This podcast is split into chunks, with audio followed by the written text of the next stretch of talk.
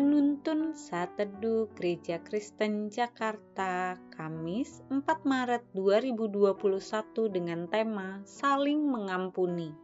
Firman Tuhan terambil dari Efesus 4 ayat 29 sampai 32 berkata demikian. Janganlah ada perkataan kotor keluar dari mulutmu, tetapi pakailah perkataan yang baik untuk membangun di mana perlu supaya mereka yang mendengarnya beroleh kasih karunia.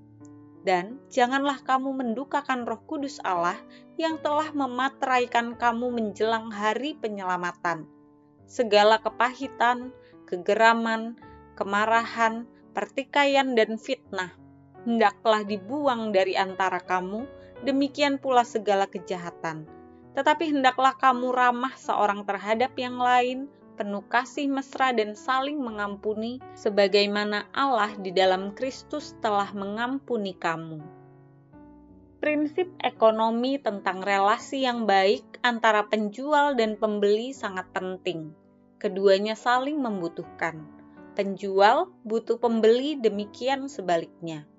Jika prinsip saling mengisi dan saling membutuhkan ini terwujud, maka ekonomi akan berjalan baik dan keduanya saling diuntungkan.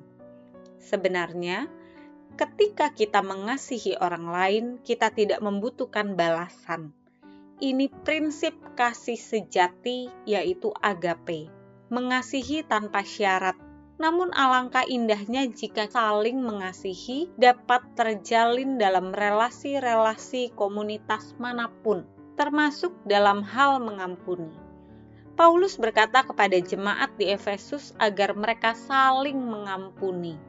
Dalam komunitas orang percaya, seharusnya mereka sudah menerima pengampunan dari Allah, maka sudah seharusnya mereka saling mengampuni. Berkali-kali dalam perikop ini, Paulus mengingatkan jemaat supaya menghindari banyak hal.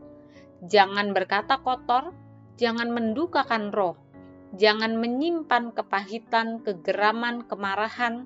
Semuanya itu adalah bagian dari orang-orang yang sulit pengampuni. Mereka hidup dan dikuasai olehnya. Mari kita mengevaluasi kembali bagaimana relasi dalam komunitas-komunitas kita. Apakah di sana masih ada saling benci? Apakah sebagian masih menyimpan kepahitan? Atau komunitas kita saling mengampuni satu sama lain.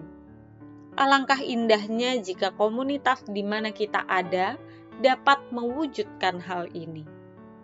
Melalui perenungan pada hari ini kita bersama-sama belajar betapa indahnya komunitas yang saling mengampuni.